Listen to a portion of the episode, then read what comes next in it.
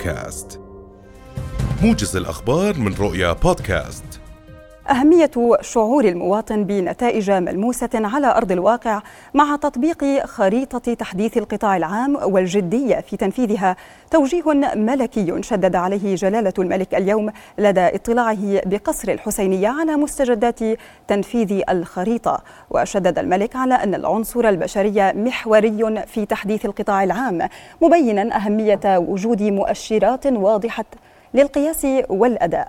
وأشار إلى أهمية وضع آلية واضحة لنقل المعرفة والتدريب بين الموظفين في مكان العمل مع التركيز على تدريب الموظفين الجدد.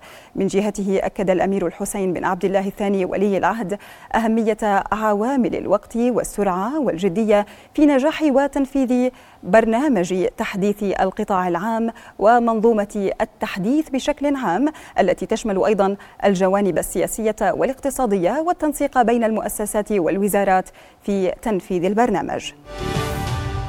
طالب نواب اليوم بحل ما وصفوها بمشكلة نقص الأدوية في المستشفيات والمراكز الصحية الحكومية وبناء مستشفيات في مختلف المحافظات للتخفيف على المواطنين من جانبه أوضح وزير الصحة فراس الهواري في اجتماع اللجنة الصحية والبيئية النيابية أن تأخيرا في إجراءات التسوية مع مستودعات وشركات الأدوية كان سببا رئيسا بالمشكلة.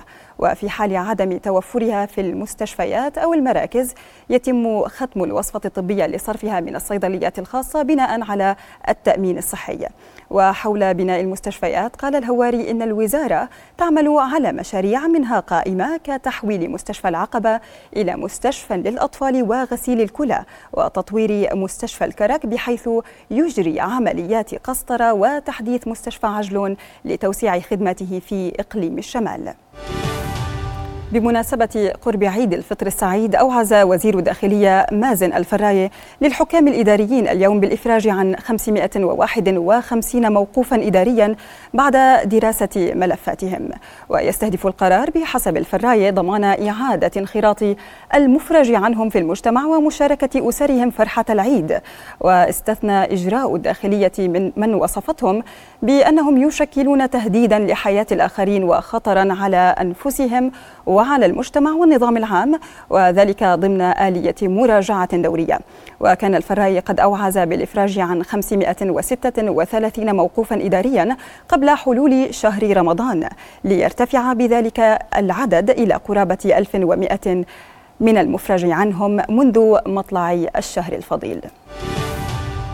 دعت حماية المستهلك المواطنين اليوم إلى التأني عند شراء مستلزمات عيد الفطر المبارك وتحديدا الملابس وعمل جولات في الأسواق قبل الشراء للمقارنة بين الأسعار واختيار الأوفر منها. الجمعية أكدت على المواطنين ضرورة طلب فاتورة الشراء من المحال والاحتفاظ بها لاستعمالها لدى استبدال بعض قطع المشتريات.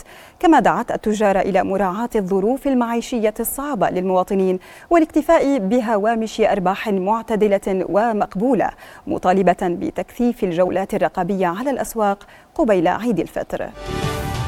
وصل وزير خارجية السعودية الأمير فيصل بن فرحان بن عبد الله إلى سوريا منهيا قطيعة استمرت 12 عاما والتقى الوزير خلال الزيارة الرئيس بشار الأسد الذي أكد أن التغيرات التي يشهدها العالم تجعل من التعاون العربي أكثر ضرورة لاستثمار هذه التغيرات لمصلحة الشعب العربي في أقطاره المختلفة.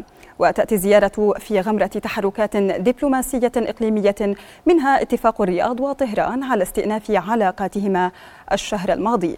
كما يأتي بعد أيام على زيارة وزير الخارجية السوري فيصل المقداد إلى جدة في وقت تبحث فيه دول عربية إمكانية عودة دمشق إلى جامعة الدول العربية بعد تعليق عضويتها في العام 2011 وإلى آخر التداعيات في السودان أعلن قائد قوات الدعم السريع محمد حمدان دقلو موافقته على هدنة لمدة 24 ساعة لضمان المرور الآمن للمدنيين وإجلاء الجرحى فيما أصدر الجيش بقيادة عبد الفتاح البرهان بيانا نفى فيه علمه بأي تنسيق مسبق مع وسطاء أو المجتمع الدولي بشأنها. وفي سياق متصل أكد وزير الخارجية الأمريكي أنتوني بلينكين أنه أجرى محادثات مع الجنرالين السودانيين شدد فيها على الحاجة الملحة للتوصل إلى وقف لإطلاق النار. وأشار بلينكين إلى أهمية ضمان سلامة الدبلوماسيين والعاملين في مجال الإغاثة مؤكدا تعرض موكب دبلوماسي أمريكي لإطلاق نار أمس الاثنين من دون إصابات.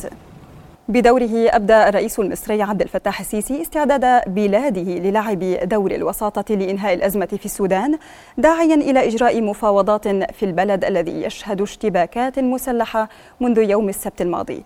وشدد السيسي على أن السياسة المصرية تتسم بالتوازن مؤكدا استعداده للمساهمة في استعادة استقرار السودان.